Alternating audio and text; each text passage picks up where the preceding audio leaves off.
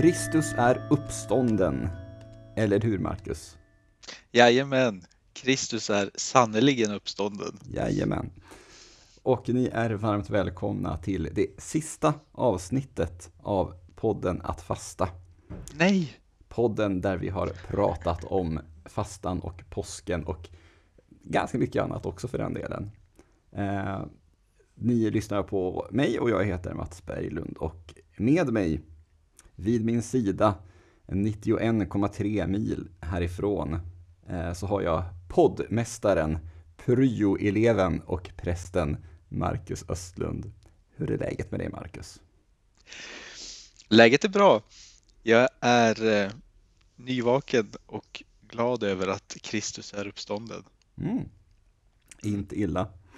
Eh, och eh, vi har ju framför oss ett eh, avsnitt som kanske inte blir li riktigt lika långt som det förra. Men vi har väldigt mycket att gå igenom. Så innan vi blir sentimentala och tar adjö av podden så tänker jag att vi, vi ger oss helt enkelt in i eh, denna söndags eh, bibeltext. Vad är det vi ska lyssna på? Vi ska lyssna på Markus evangeliets 16 kapitel, verserna 1 till och med 14. Mm. Jag ser att det blir längre och längre texter också för den delen. Det finns mer och mer att berätta. Ja. Yes. Eh, den heter Kvinnorna vid graven. Ja. När sabbaten var över köpte Maria från Magdala och Maria Jakobs mor och Salome välluktande kryddor för att gå och smörja honom. Tidigt på morgonen efter sabbaten kom de till graven när solen gick upp. Och de sa till varandra, vem ska rulla undan stenen från graven åt oss? Men så fick de se att stenen var bortrullad, den var mycket stor. De gick in i graven och såg en ung man i lång vit dräkt sitta där till höger, och de blev förskräckta. Men han sa till dem, var inte förskräckta. Ni söker efter Jesus från Nasaret, han som blev korsfäst. Han har uppstått. Han är inte här. Se, här är platsen där han blev lagd. Men gå och säg till Petrus och de andra lärjungarna. Han går före er till Galileen. Där ska ni få se honom, som han har sagt er. De lämnade då graven och sprang därifrån, darrande och utom sig, och de sa ingenting till någon, för de var rädda. När Jesus hade uppstått på morgonen efter sabbaten visade han sig först för Maria från Magdala, från vilken han hade drivit ut sju demoner. Hon gav sig iväg och berättade det för dem som varit tillsammans med honom och som nu sörjde och grät. När de fick höra att han levde och att hon hade sett honom trodde de inte på det. Därefter visade han sig i annan skepnad för två av dem medan de var på väg ut på landet. Och så de gick bort och berättade det för de andra, men inte heller de blev trodda. Eh, sedan visade han sig också för de elva medan de låg till bords, och han förebrådde dem deras otro och halsstarrighet, då de inte hade trott på dem som sett honom uppstånden. Amen. Halsstarrighet. Det, det var ett ja, ord man inte är van att läsa.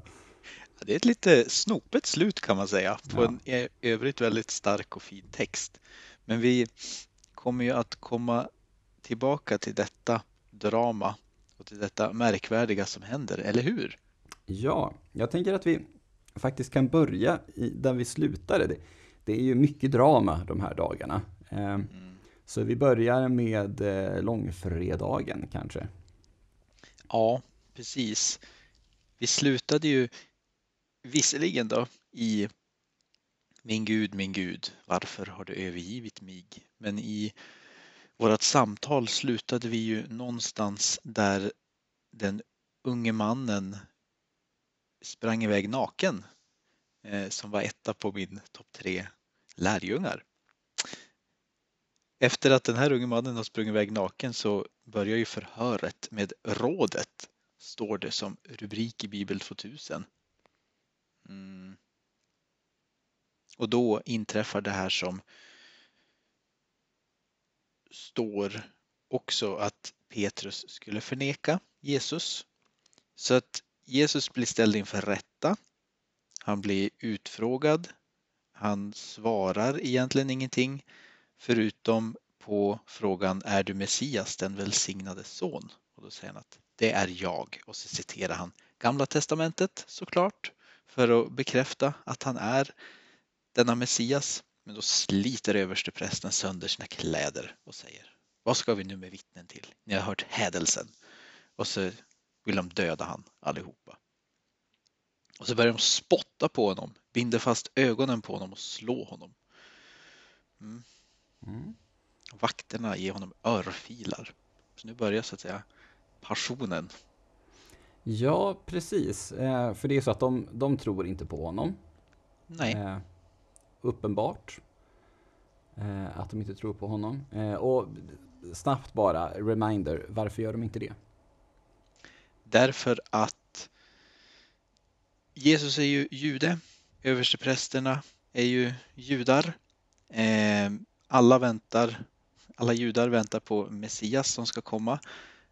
Men översteprästerna, de äldsta, de skriftlärda, de som bestämmer i landet menar ju att Messias ska vara på ett visst sätt. Messias ska vara kungen som kommer och räddar riket, Davids efterföljare. David som var en krigarkung som tog land via krig och erövringar. Och Jesus säger ju inte det. Med alldeles uppenbart så är han ju inte det. Mm. Så att i princip därför och för att de är rädda för romarna. De är rädda att Jesus ska hitta på något upplopp. Mm. Eller att hans anhängare ska göra det. Så då dödar de hellre han än, än riskerar att få ett upplopp på halsen. Just det. Men sen, sen överlämnas han väl på något sätt då till Pontius Pilatus. Mm. Eh, och eh, han torterar Jesus. Varför gör han det? Han eh, är ju romare Pontius Pilatus. Och det är ju han som så att säga styr i den här, han är ju ståthållare. Man har ju beskrivit det som någon form av landshövding. Att han, kejsaren har ju all makt, men han har fått någon form av mandat att utöva den här makten, men han får inte ta massa beslut hur som helst, utan han gör ju allt på dekret från, från kejsaren. Eh, men översteprästerna kan inte döma han till döden egentligen. De, man dödar liksom inte folk under påsken, det är liksom judarnas viktigaste högtid också, när de minns uttåget ur Egypten. Så de, de kan inte verkställa någon dödsdom, så då måste Pilatus göra det. Men han vill inte göra det. Eh, han förstår inte riktigt vad allt det här handlar om, så han tänker att det är bättre att prygla han, alltså ge han ett stra litet straff så att han kanske lär sig någonting. Eh, för han vet ju inte heller eller förstår inte heller vem Jesus är. Så egentligen det. Pilatus ser inte varför han ska behöva lägga massa energi på den här typen och på inte på översteprästen eller de andra heller. Han, enligt min mening så tycker inte han att det här är så ja, stort problem. Han tycker inte att det är någonting att lägga tid på. Mm.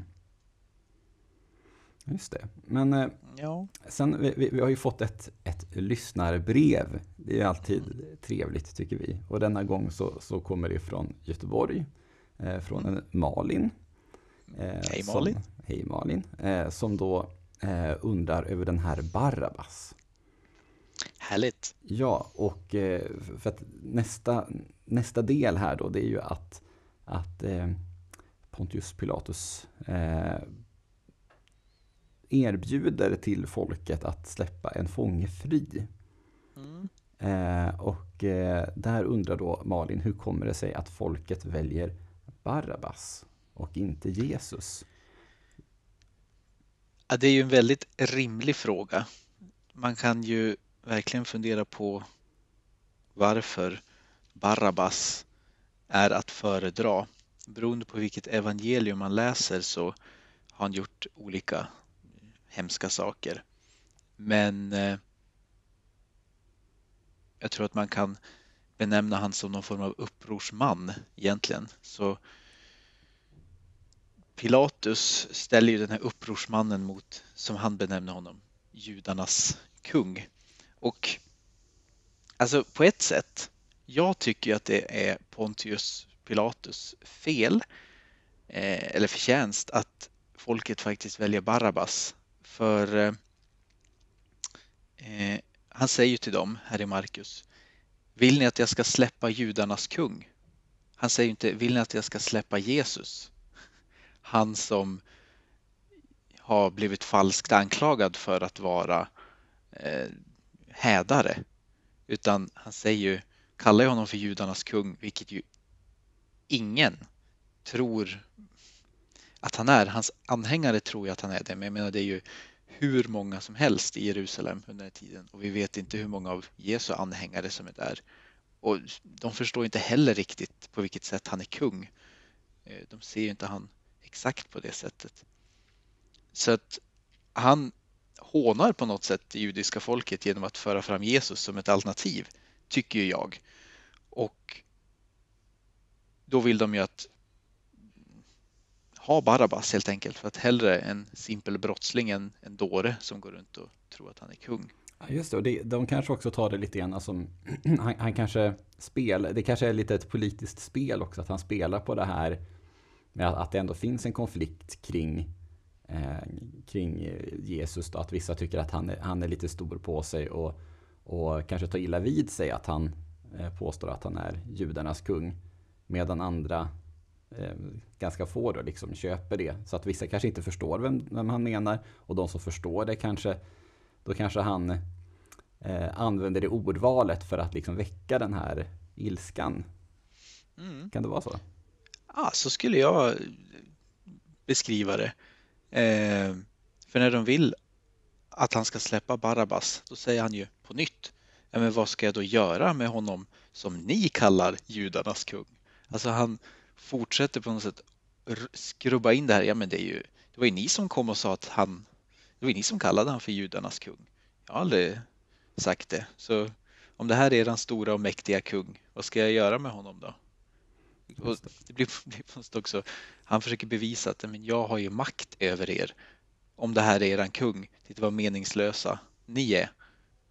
Ehm, och då, vill man då släppa någon som är i ett så tydligt underläge Mm. Och vill man då att han ska gå runt på gatorna så ska man skämmas för sitt, för sitt folk och så.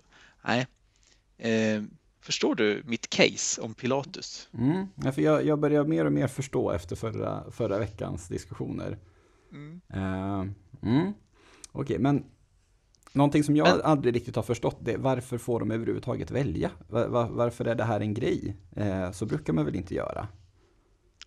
Nej. Eh, andra tider annat rättssystem. eh, I grunden är väl det här en tradition som är lite omtvistad men man menar väl ändå att det fanns någon sån här grej som eh, Pilatus eller som ståthållare i det romerska riket gjorde. Eller att man gjorde så i, i Judeen här i alla fall. Att man, ja men, nu är det, nu är det er stora högtid så då ska jag vara snäll med er.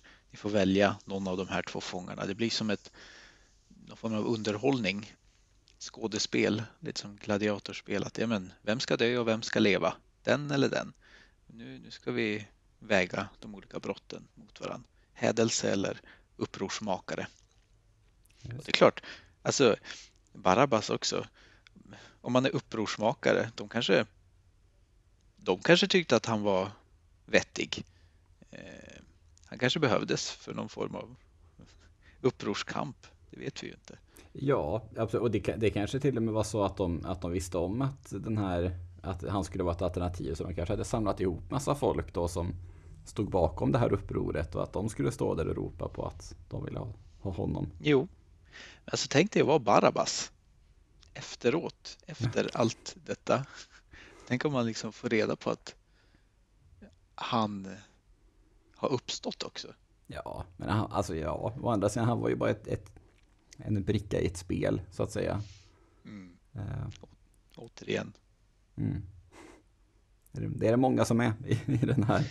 Det är det många som är, verkligen. Just det, men vad bra Malin, då har du fått svar på din fråga. Mm. Ska vi gå vidare till eh, vad som hände sen då? Ja, precis. För sen så klär de honom, soldaterna får ju tag på honom då. Ehm, och då klär de honom i en mantel, en purpurröd mantel som ju också är ett hån. Och det här är de romerska soldaterna som gör det. Nu är det så att säga romarna som har hand om honom. Ehm, och de gör en krans av törne sätter på hans huvud. Eh, och så hånar de honom igen och säger leve judarnas konung. Så de, romarna liksom kör stenhårt på det här med att de, att de försöker eh, skrubba in det att han, kallat, att han har kallats för judarnas kung. Så de ja, gör verkligen allt för att, för att håna honom. Man skulle inte må så bra om man dels skulle korsfästas och sedan innan blir man piskad och sen efter det så blir man också hånad på alla sätt och vis. Jag menar det är ju det är den ultimata förnedringen får man faktiskt lov att säga. Inte bara för Jesus tänker jag, utan också för någon som, Nej. som följer honom. Oh ja, verkligen. Och det är det som är så fascinerande med evangelierna, att det här är med. Alltså, som jag var inne på någon gång tidigare, om man skulle ha hittat på det här, att det kom en Messias har kommit och han är på riktigt, och så vill man bevisa det. Varför tar man med allt det här då? Mm. Varför tar man med all förnedring och sånt? Och då, ja visst, då har ju de hittat eh, texter i Gamla Testamentet som bekräftar att ja, men Messias, ni har förstått det fel. Han skulle egentligen lida, han skulle egentligen bli förnedrad och hånad. Och det finns ju många passager i framförallt Jesaja. Man läser ju det på, på långfredag också, en passage från Jesaja. Att han hade inget ståtligt yttre utan han var föraktad av alla. Eh, Men det var våra synder han bar. Det var våra övertramp som han överträffade, så att Mm. säga. Så att visserligen, man försöker förstå sin, sin historia genom, genom att bekräfta den med andra profetior.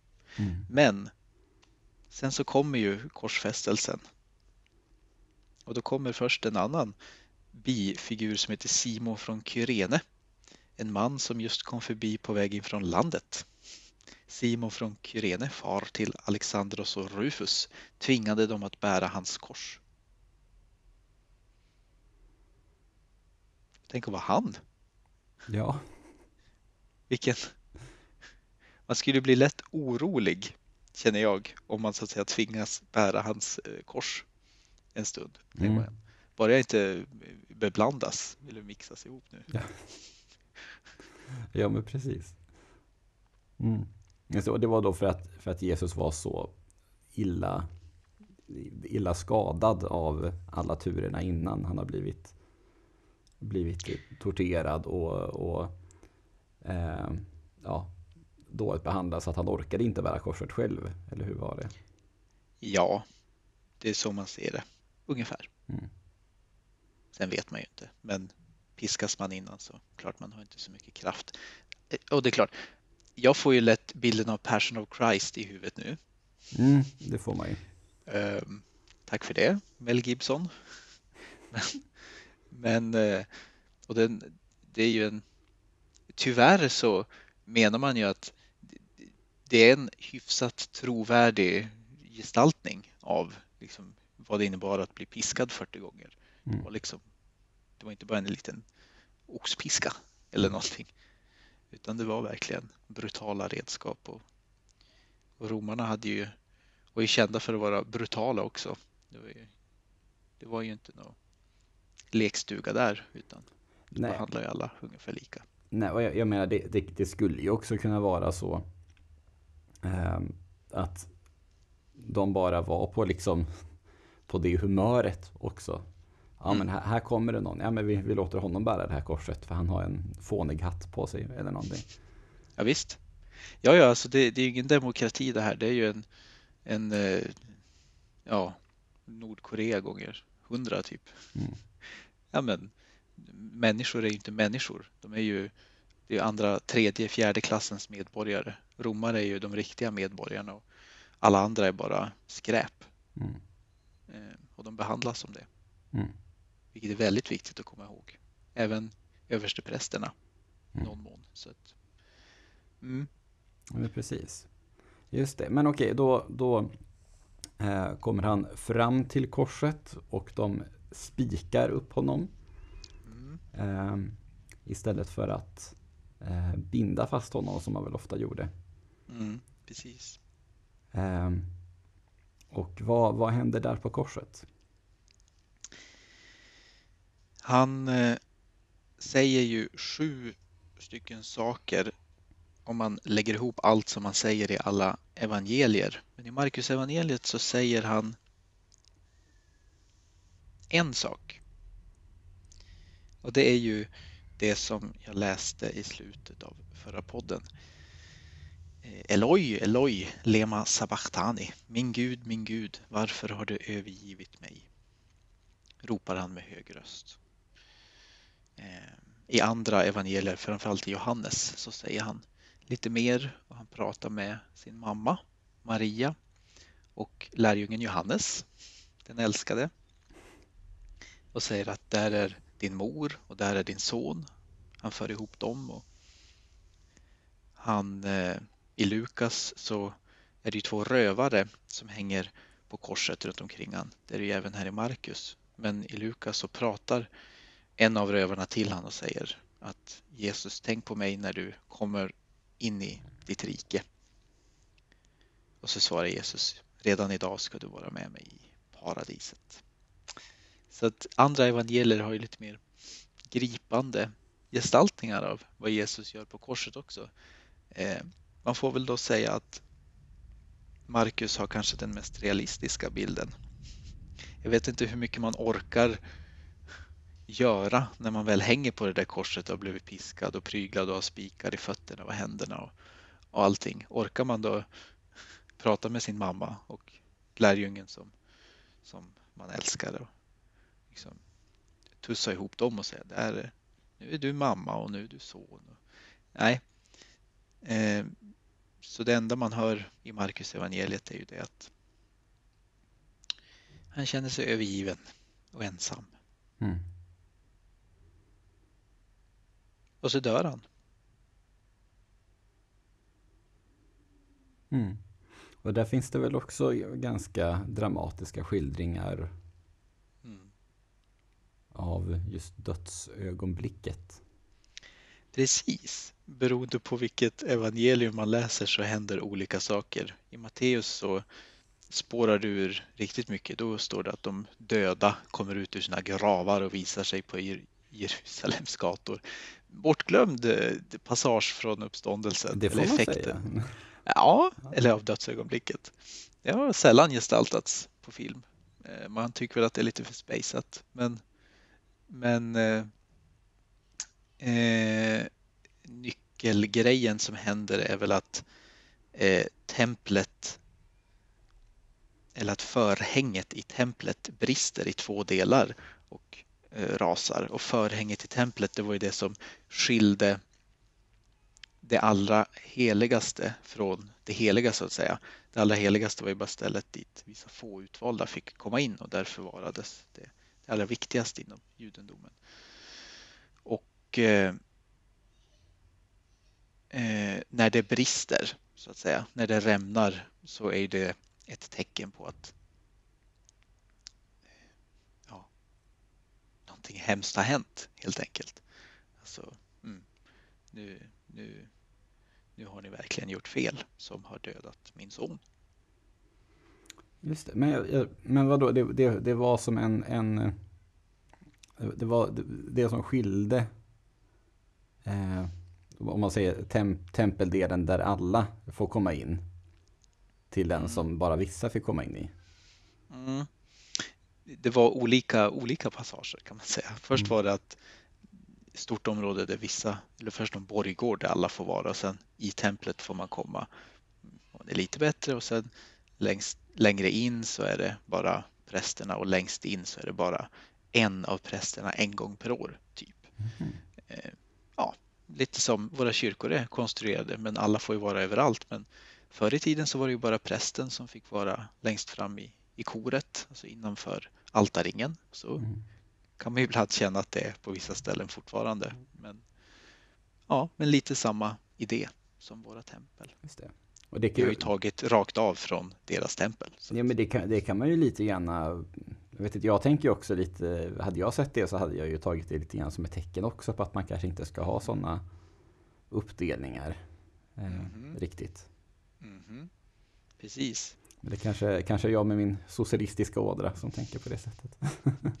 så kan det vara. Men eh, han dör ju och eh, sedan är det ju en intressant detalj också.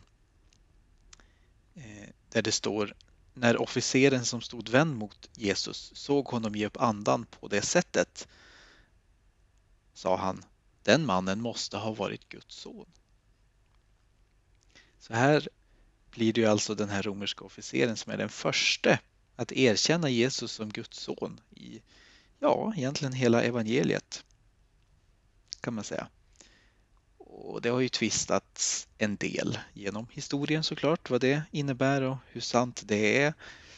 Är det ett tecken på att man är rädd för romarna och att man vill att om de råkar komma över manuskriptet så ska vi säga att ja, men, ja, vi, vi tyckte inte att ni var så, så hemska mot Jesus ändå. Ni trodde ju på honom. Eller ja, var det faktiskt så? Eller vad representerar det? Men intressant är det i alla fall att det kommer en bekännelse direkt i evangeliet när han dör. Som du säger, är man med om extraordinära händelser när någon dör, då kanske man reagerar så instinktivt också. Det här måste ju vara något speciellt. Mm. Ja. Men sen är det ju några kvinnor som är med också. Bland dem Maria från Magdala och den Maria som var Jakob den yngres och Joses mor och Salome Ja, som hade följt honom. Mm. precis. För här, här har vi alltså en... Man lägger honom i en grotta Mm. eh, så, som, som en grav då. Eh, och Mm. så rullar man en, en mycket stor sten, som det står, eh, för öppningen. Och vi kommer då till den texten som vi läste idag. Eh, de här tre eh, kvinnorna Mm. eh, går och ska ja, ta hand om hans kropp Mm. som ligger där inne. Och där sitter en man i vit dräkt. Mm. Eh, först och främst bara, vem var den här mannen? Var, var, var det en ängel eller var det någon annan Ja, random person? Ja, men i alla andra evangelier så är det ju ängel eller änglar. Eh, Så att ung man i lång vit dräkt är ju ängel Ja, i princip. det får man. Det ska inte tolkas på något annat sätt. Nej, okej. ja, det är bra att vi har det utrett. Mm. Ehm, och de, eh, de blir rädda Mm. eh, när de hör det här och de vågar inte säga till någon. Ehm, varför blev de rädda? Var det för att de såg en ängel eller vad var det som gjorde att de blev rädda? Ja, vad det var som gjorde att de blev rädda, det har man ju också funderat länge och mycket på. Men eh, rimligtvis för att de ser en ängel, rimligtvis för att de inte har förväntat sig det här. För det står ju att de går till graven eh, när solen gick upp och så säger de till varandra, vem ska rulla undan stenen från graven åt oss? I en annan översättning står det sen att när de lyfte blicken så såg de att stenen var bortrullad. Eh, så det är som att de går med nedböjda huvuden. De förväntar sig, de går till graven, men de förväntar sig inte att de ska komma in i den och kunna ta hand om Jesus och kunna smörja honom, för det är därför de går till graven. För att ta hand om hans kropp och göra honom fin eh, i sin grav.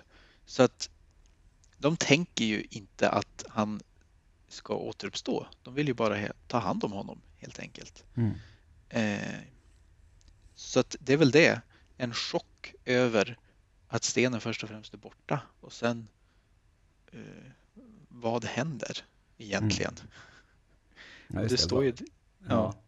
Det är klart att, att eh, hade, jag, hade jag gått till, gått till en grav oavsett hur bra person jag trodde att det var, även om den personen hade sagt att jag är Guds son eh, och jag såg att graven var typ uppgrävd och kroppen bort.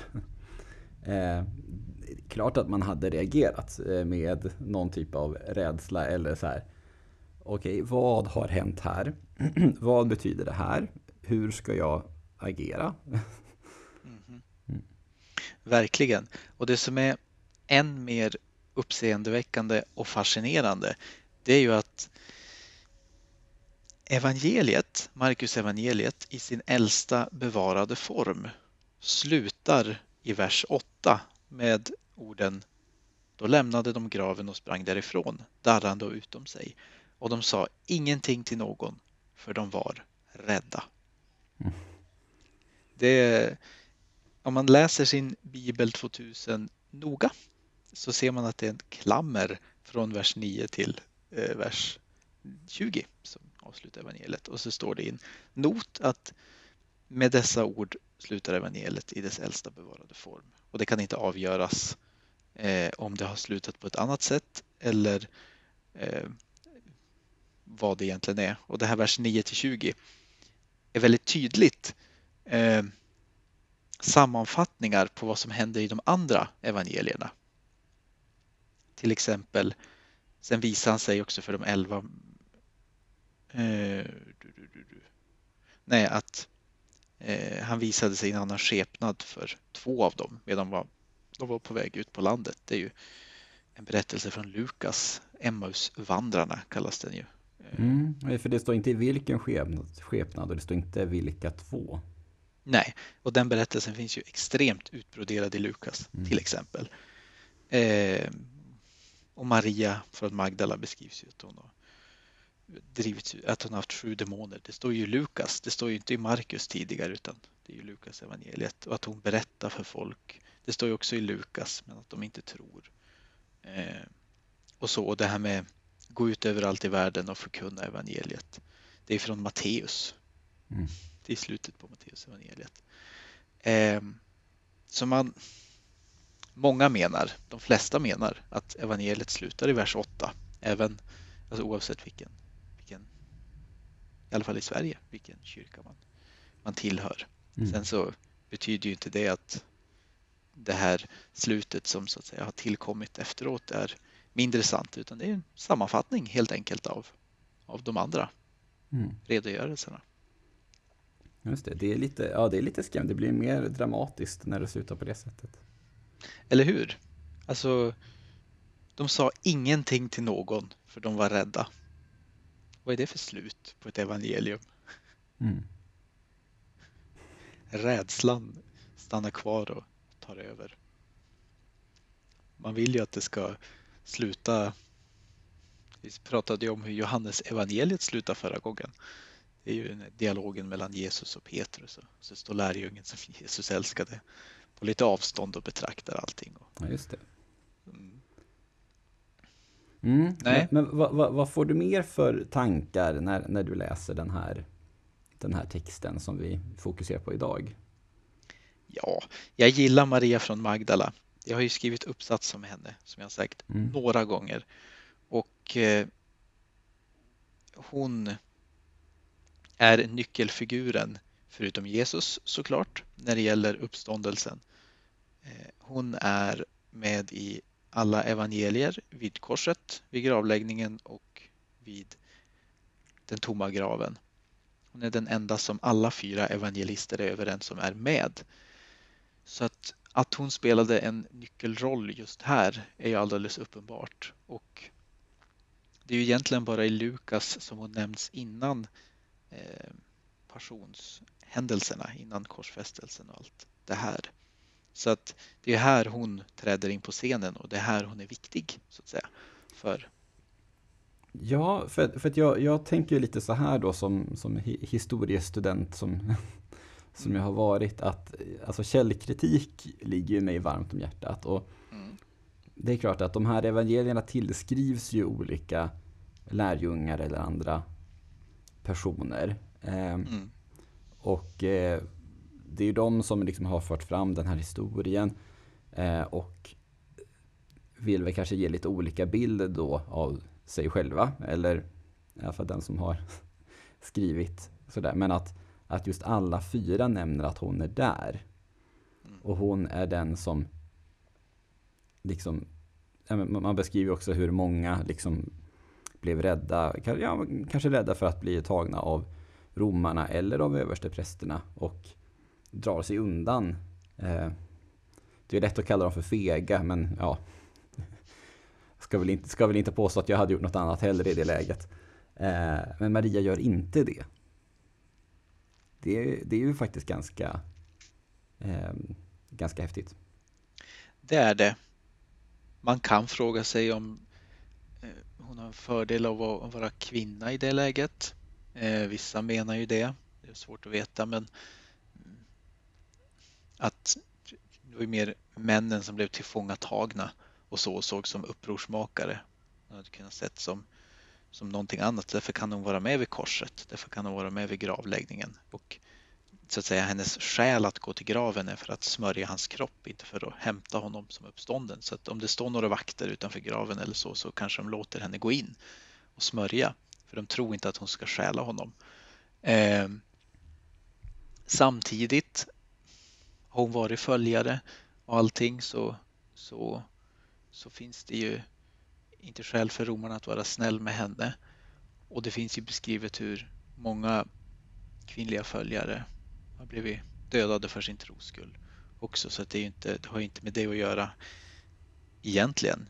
Nej, och jag menar eh, kvin kvinnor hade ju också ännu mindre rättigheter än, än män. Ja. Även fast, om, jag säger eh, gemene man, då med könet man, eh, hade inte särskilt mycket rättigheter i, i romarriket såvida man inte var romare. Men kvinnorna hade inga rättigheter. Nej, precis. Och precis. oavsett så gjorde hon det ju faktiskt. Oavsett gjorde hon det. Och eh, att kvinnor inte har några rättigheter överhuvudtaget avspeglar sig också i framförallt de andra evangelierna, framförallt Lukas när hon kommer och berättar att för de andra lärjungarna, men jag har eh, träffat eh, den upps Jesus har uppstått helt enkelt. Men de tror ju inte på henne. För att kvinnor var inte trovärdiga vittnen i rättegångar. Det har vi pratat om tidigare. Eh, och då blir ju det på något sätt ett, ett tecken på det. Det finns till och med med i evangeliet att de tror inte på, på henne. För de tycker inte hon är trovärdig. Det är först när Petrus kommer tillbaka som, som det börjar verka trovärdigt det här. Eh, men det står ju med i evangeliet så det är ju inte så att säga evangeliet i sig som är, som är diskriminerande mot utan de lägger ju fram det här. Alltså, ser ni, det, det första vittnet kom tillbaka men inte ens lärjungarna trodde. Eh, och hon... När jag grävde i Maria från Magdala, när jag eh, kollade vad hon, vem hon var och vad hon har betytt, så upptäckte jag ju som sagt att eh, det som står om henne i Bibeln, det är ju just här vid korset, gravläggningen och den tomma graven. Eh, hon blandas ju gärna ofta ihop med andra Marior. Eh, vilket jag menar är märkligt för att eh, menar man Maria från Magdala om den här personen redan har en titel, så att säga, ett efternamn eller vad man ska säga, en beskrivning, då skriver man väl det varje gång det handlar om henne eh, istället för att helt plötsligt bara skriva Maria eller, eller så. Så att eh, råkar ni läsa Bibeln och råkar se att det står Maria någonstans och det står att den här Maria gjorde någonting som kopplar samman henne med någonting annat så är det inte Maria från Magdala oavsett hur bra eller dåligt det är, vill jag hävda. Men traditionen har ju gjort henne till någonting väldigt mycket mer. Och eh, Eh, ja, det senaste, inte det senaste, men ett av de senaste exemplen är väl med Da Vinci-koden. När Maria från Magdala och Jesus påstås ha ungar som, som har ynglat av sig och blev i det här hemliga sällskapet som Da Vinci var med i och som då tydligen hur, ja, nu spoilar jag boken, men det struntar jag Så bra är den inte. och tydligen, jag vet inte om det är huvudpersonen eller nej, det är hans kvinnliga co-polis eh, som är liksom eh, barnet liksom, i rakt nedstigande led från Jesus och Maria från Magdala. Eh, hon är liksom ättling till, till dem. Då. Så att, eh, det, det, finns ju väldigt mycket mytologi och spekulation och, och, så, men det är ju på alla sätt att förminska henne, att göra henne till någon form av älskarinna till, till Jesus eller någon fru eller någonting, för att hon är ju inte det i evangelierna. Det är ju bara traditionen som har klistrat på henne det. Ja, jag, jag tänker också lite så här ja, jag vet inte om, om de hade fått barn, så, jaha, vem bryr sig? Eller, jag vet inte. Ja. Det, det, det, det, behöver väl heller inte vara en så himla stor grej. Men, men det är ju också ett sätt att förminska en person att, att eh, liksom, ja, men det är inte ens viktigt att hålla, hålla koll på ditt, på vem du är. Eller så här, det är väl också lite så mm.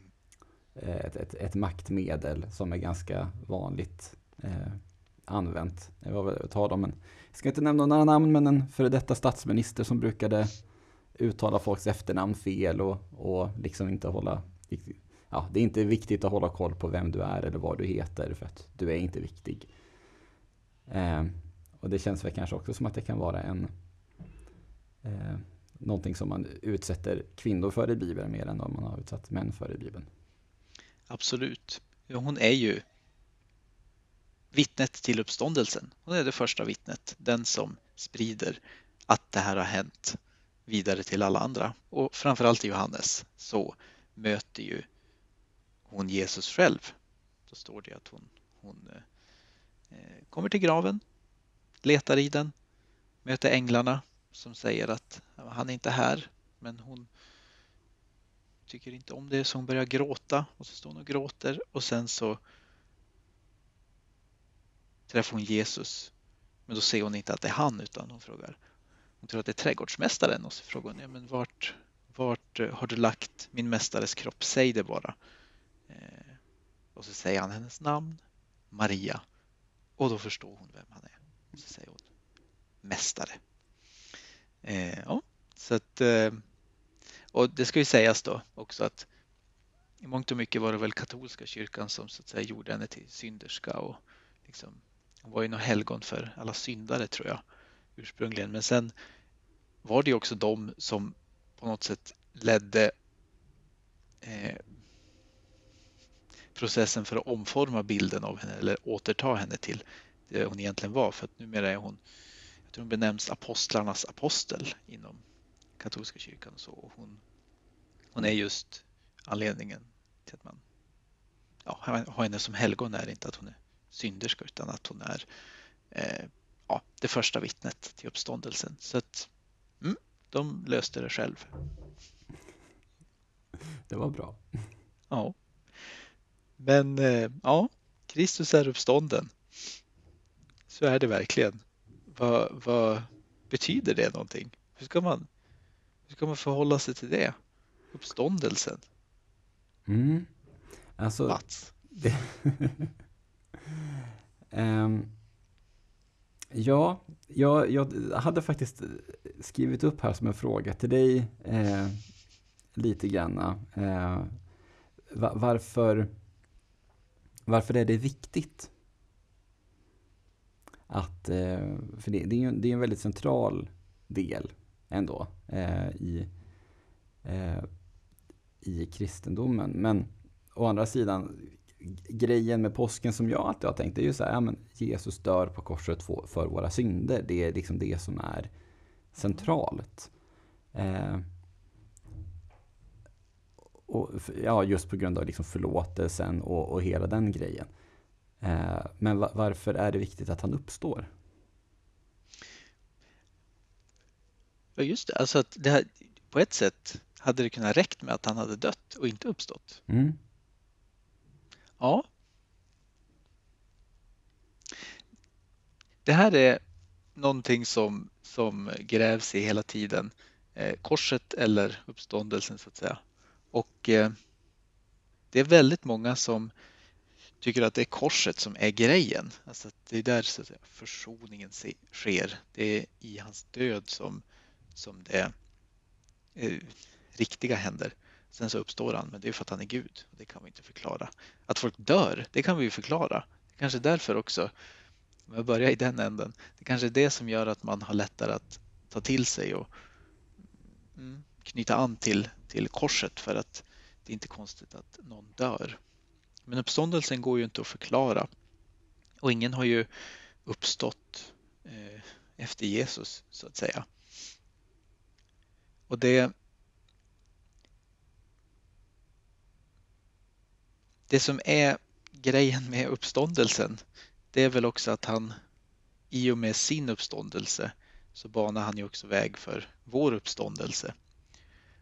Och då kan man säga att ja, men gör han inte det redan, redan på korset? Är inte hans död någonting som redan bryter döden? Det kan man ju, det kan man ju också påstå.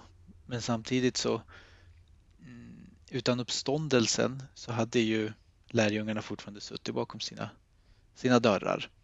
Ehm, allting händer av en anledning.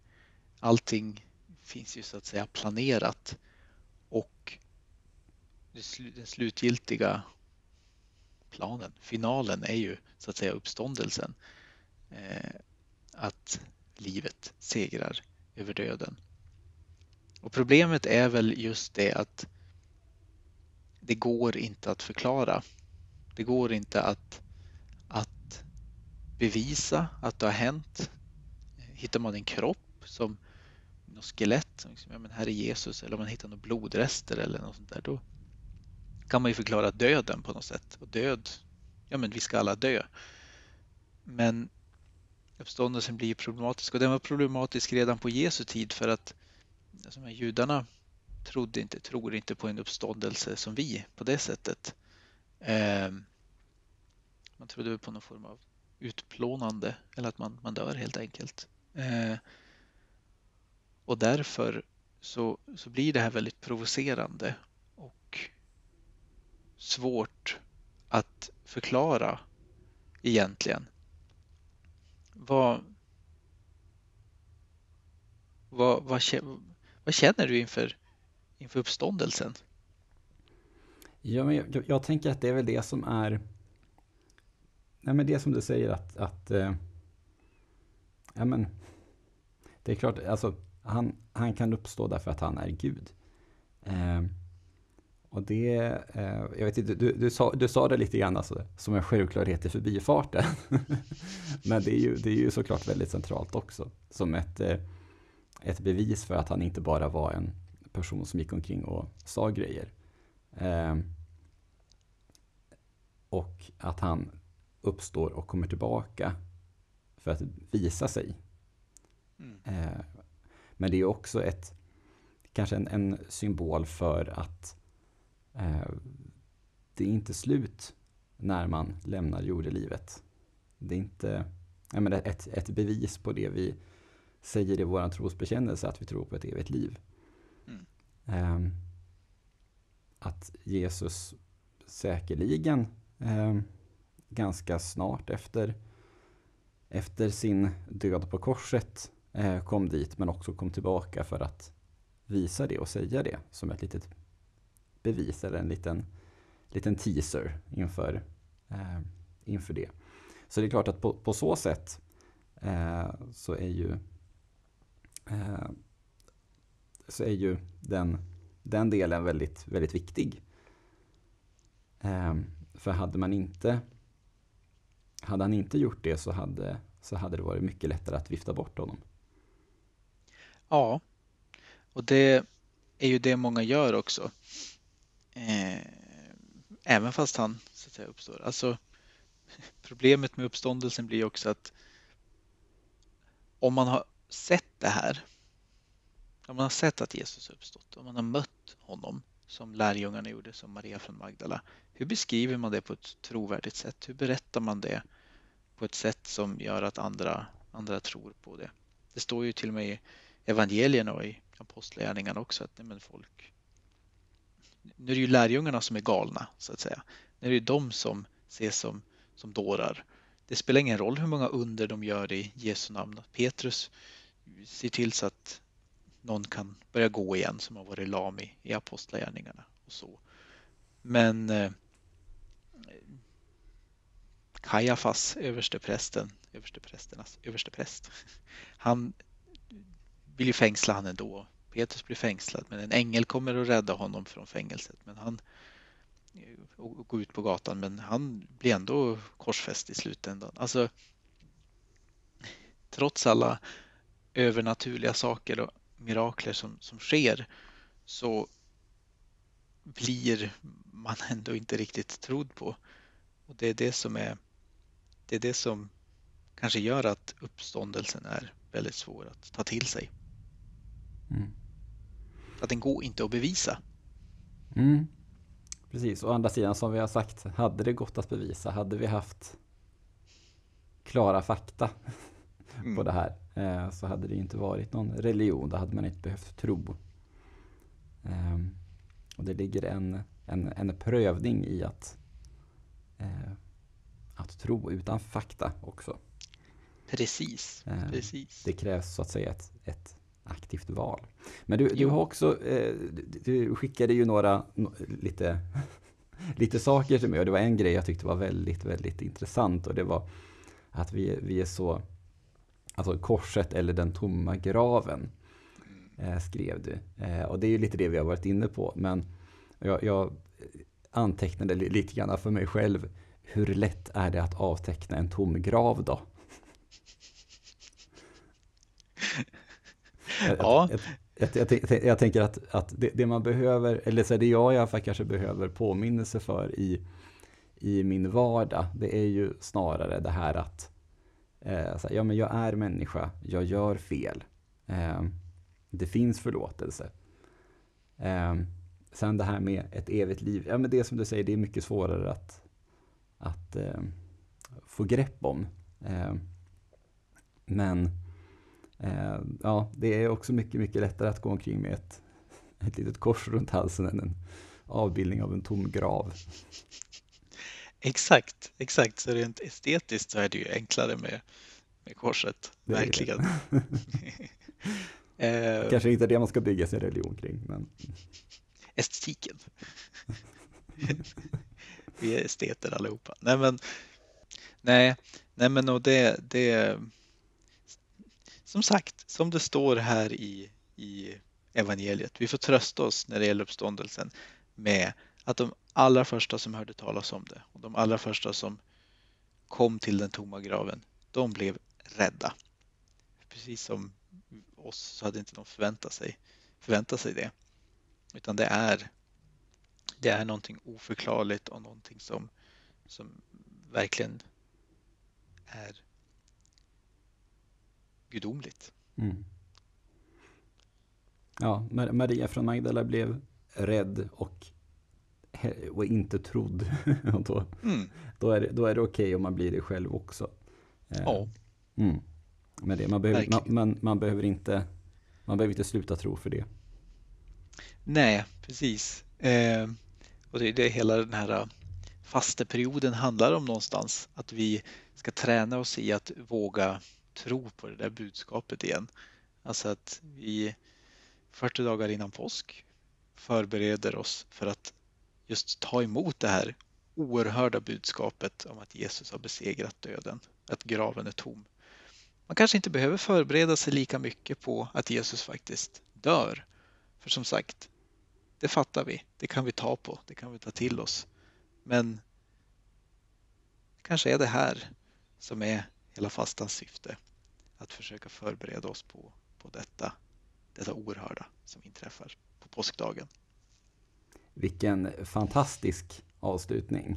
Mm. Mm, det var du nöjd med. Mm. Men avsnittet är ju inte slut. Vi har ju det här succédelen som vi slutar varje eh, avsnitt med, nämligen topp tre. Och eh, ja, Marcus, du fick ju utmaningen topp tre stycken eller delar, verser ur Bibeln att bli salmer. Ja, Hur har du antagit dig den? med stor entusiasm som vanligt, men Ja. kanske med en extra tusch med tanke på att det är sista avsnittet och allting. Ja, det är bra. Det- Det är bra.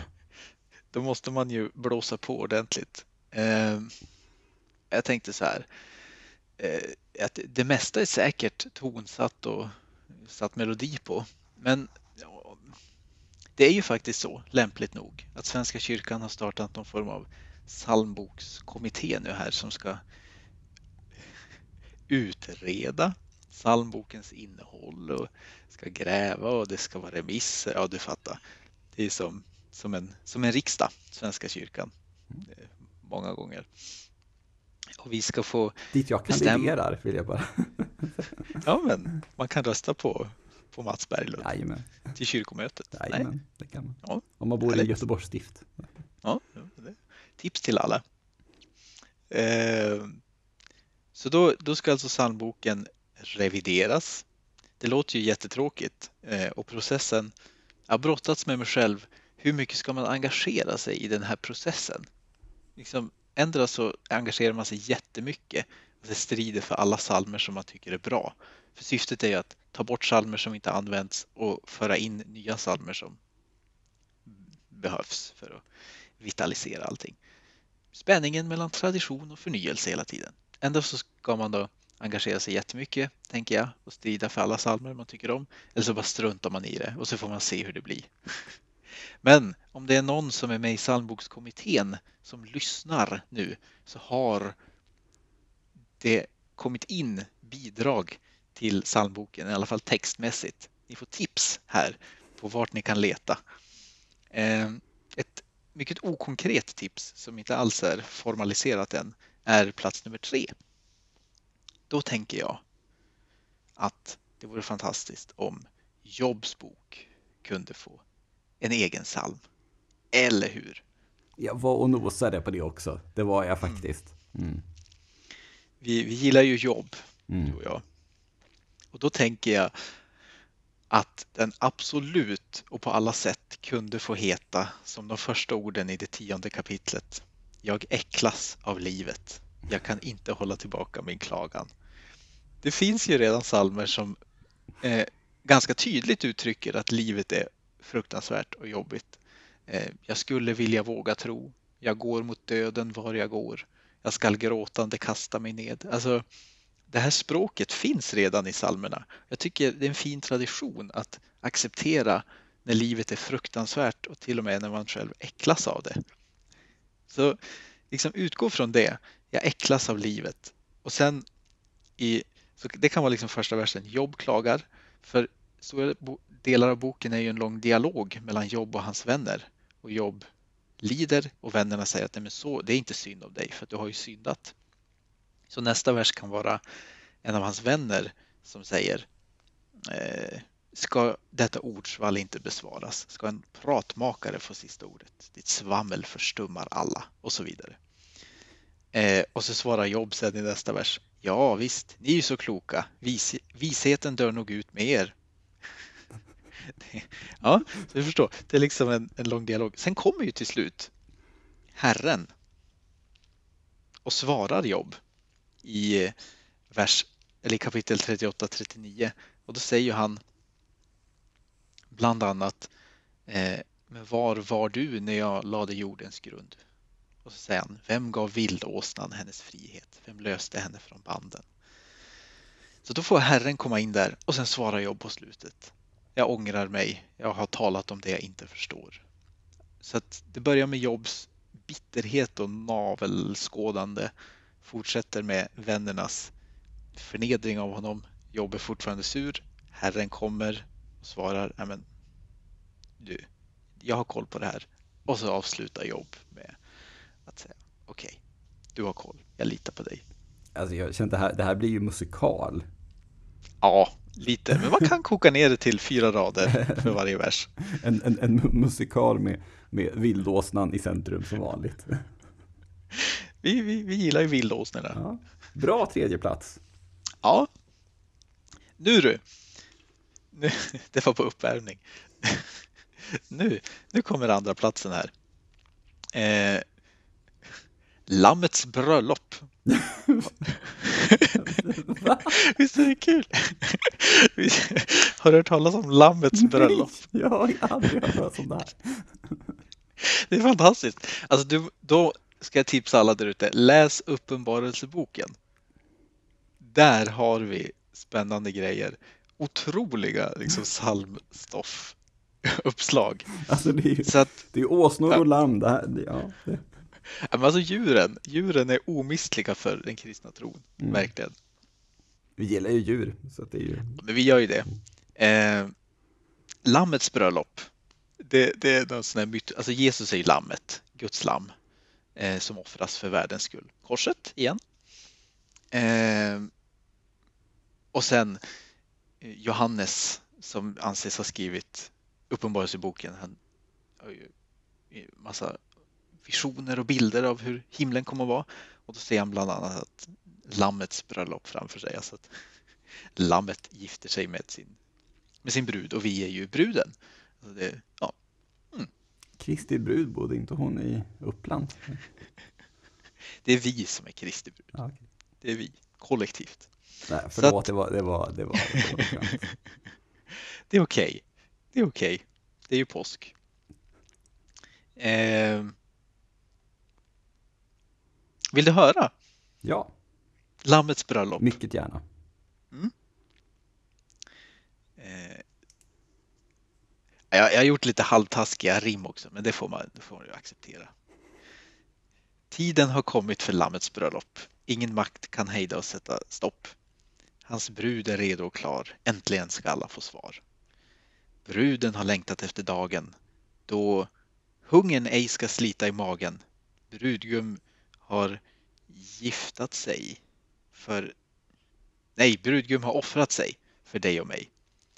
Eh, men lammet ska torka alla ögon torrt. Tårarna, sorgen och klagan ska bort. Han är A och O. I himlen ska vi alla få bo. Där har vi Lammets bröllop. Inspirerad av Uppenbarelseboken. Nej, det, nå- någon måste ju tonsätta det här, det känner jag. Ja, ja, ja.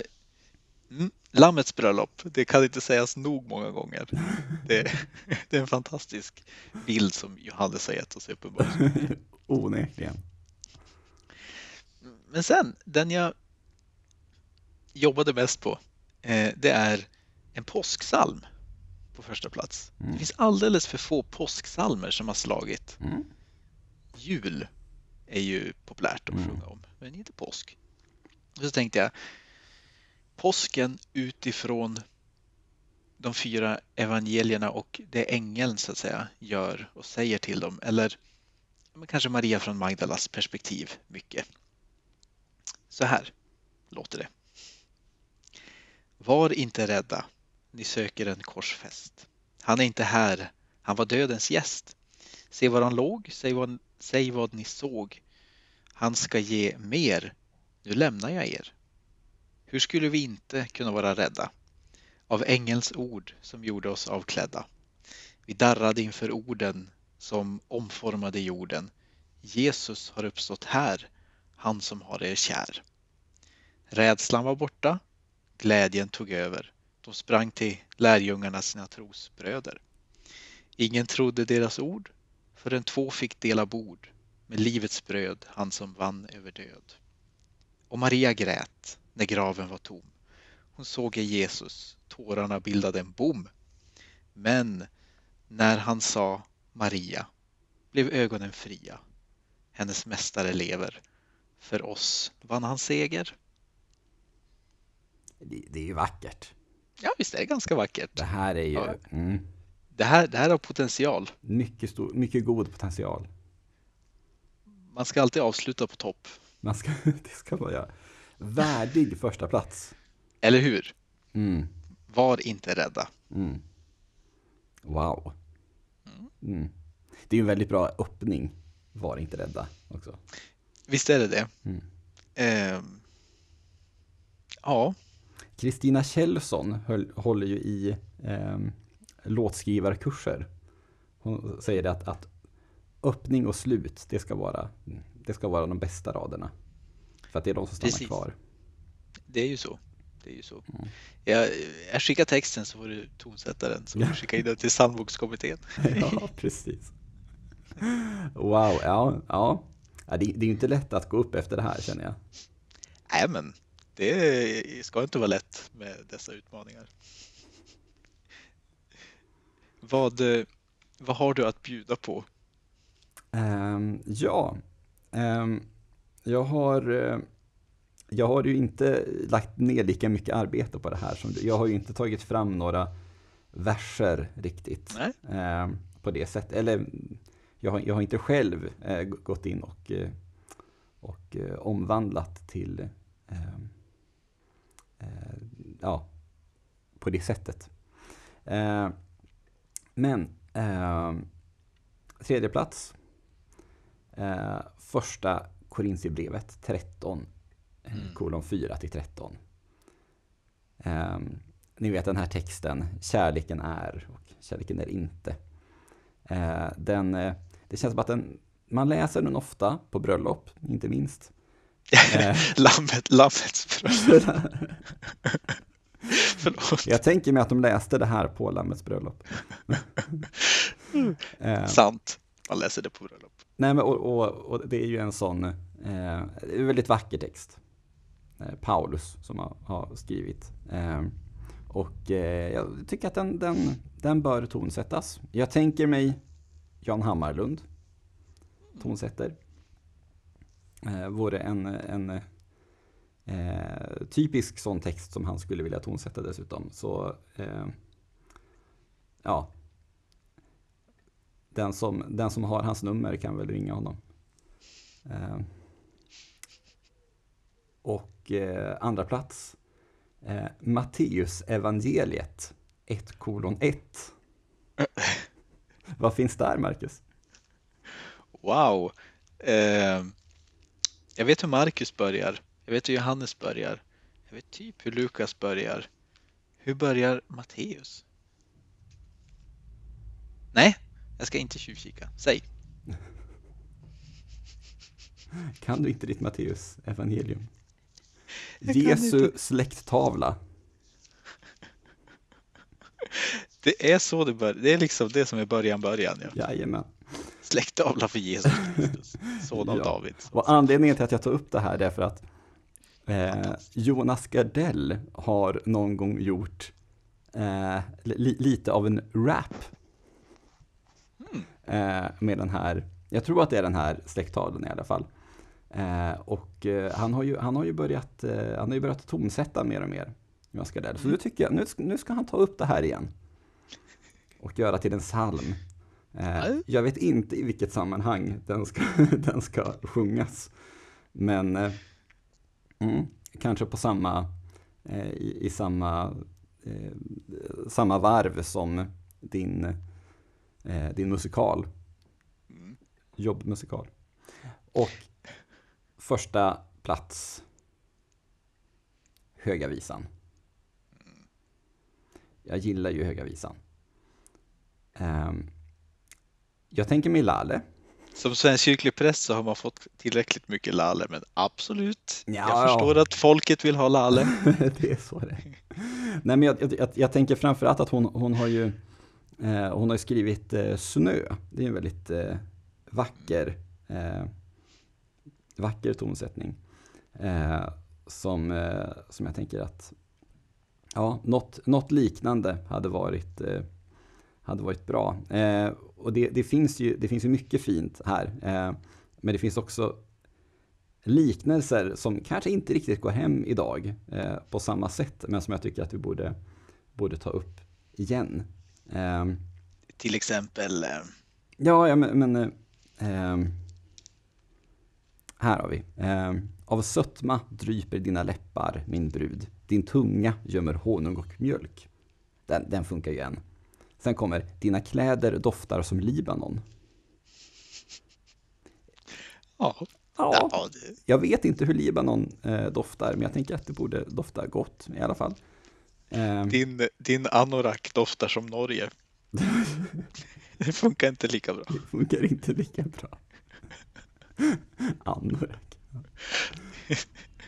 Ja, det är min etta. Jag kände att jag hamnar i skuggan av dig den här, eh, den här gången. Men det, det, det, kan jag ta. Det kan jag ta.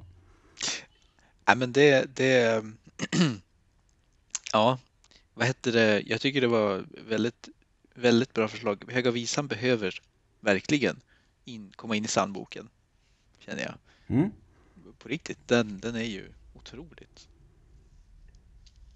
vacker. Mm. Så om någon känner någon som sitter med i den här psalmkommittén, skicka dem länken till det här avsnittet. Så, Mhm. ja. Eller klipp ut sista, Eller klipp ut om ni, sista, sista 20 minuter. om ni känner för det. Precis. Eh, tack för det, Marcus. Eh, och eh, nu återstår egentligen bara för oss att tacka eh, alla er som har lyssnat på, eh, på vår podd eh, under denna fasta. Har du några slutord, Marcus? Kom ihåg att eh, fastan eh, inte egentligen är någonting som man ska göra eh, för sin egen skull, utan man ska göra det för att påminna sig själv om att Gud alltid finns nära en. Det är mina slutord. Det är så att säga en win-win. Ja, det är en win-win. Mm. Gott. Ehm, vi kanske kommer tillbaka någon gång, vem vet? Tills eh, dess så vill jag bara säga vi som har gjort den här podden är Mats Berglund och Marcus Östlund. Eh, musiken är gjord av mig. Loggan är gjord av Evelina Östlund. Tack för det. Och uppslaget till varje avsnitt, eh, det ligger Marcus Östlund bakom. Så ta hand om er. Tack för oss.